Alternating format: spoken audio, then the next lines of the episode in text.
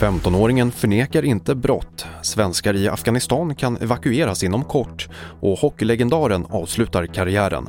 Det här är det senaste från TV4 Nyheterna. 15-åringen som är anhållen för knivattacken mot en lärare på sin högstadieskola i Eslöv hade inte uppsåt att döda, det säger pojkens försvarare till TT och enligt försvararen förnekar inte pojken brott. Det var igår läraren attackerades och skadades allvarligt men läget ska nu vara stabilt, berättade Ulrika Narling, grundskolechef i Eslöv vid en presskonferens tidigare på fredagen.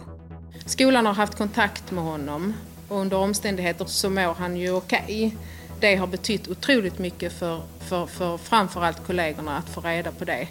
Eh, men även eleverna frågar mycket om sin lärare. Svenskar som är fast i Afghanistan kan komma att få hjälp att lämna landet inom kort och har uppmanats att bege sig till flygplatsen i Kabul. Det är enligt ett meddelande från utrikesdepartementet som TT tagit del av. På den så kallade svensklistan finns ungefär 400 personer. Fyra nya dödsfall med bekräftad covid-19 har rapporterats idag, meddelar Folkhälsomyndigheten.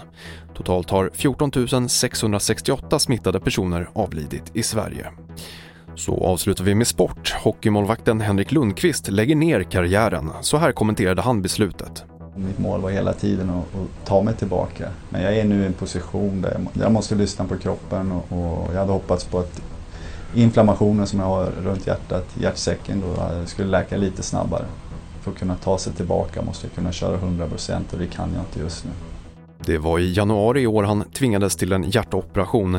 Sedan dess har framtiden varit oklar men nu står det alltså klart att det är slutplockat för kungen av New York.